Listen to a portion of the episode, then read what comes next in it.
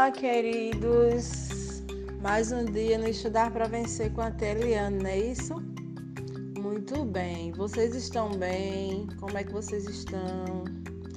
Eu estou com muita saudade de vocês, tá certo? Olha só, nossa disciplina vai começar por português, né? Língua portuguesa.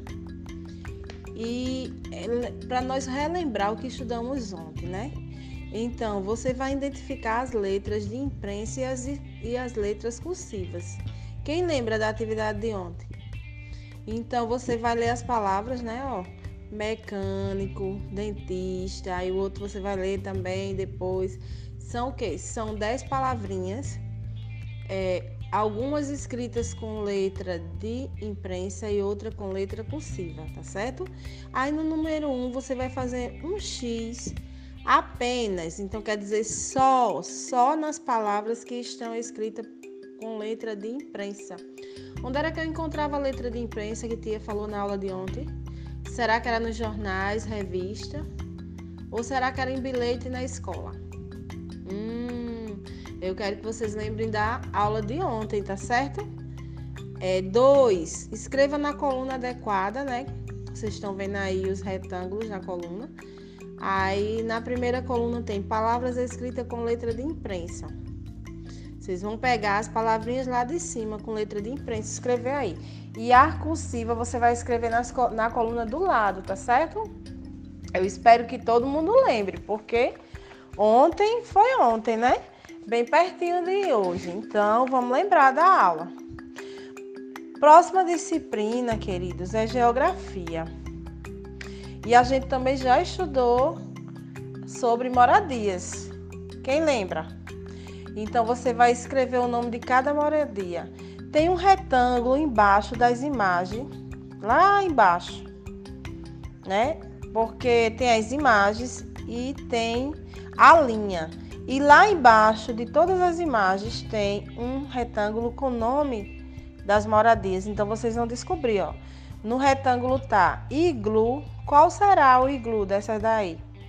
Será uma casinha feita lá no gelo? Como será? Palacete. E o palacete? Como será?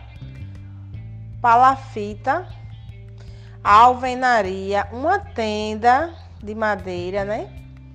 E pedra, né? Madeira, pedra e oca tenda, pe madeira, pedra e oca. Então vocês vão descobrir aí essas moradias, tá? Quem é iglu, quem é palacete.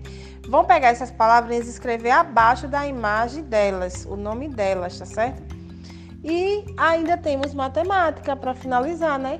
Você vai escrever por extenso. Quem lembra o que é por extenso? Por extenso é o nome do número, não é isso? Então, que a gente está estudando matemática, matemática, números, né?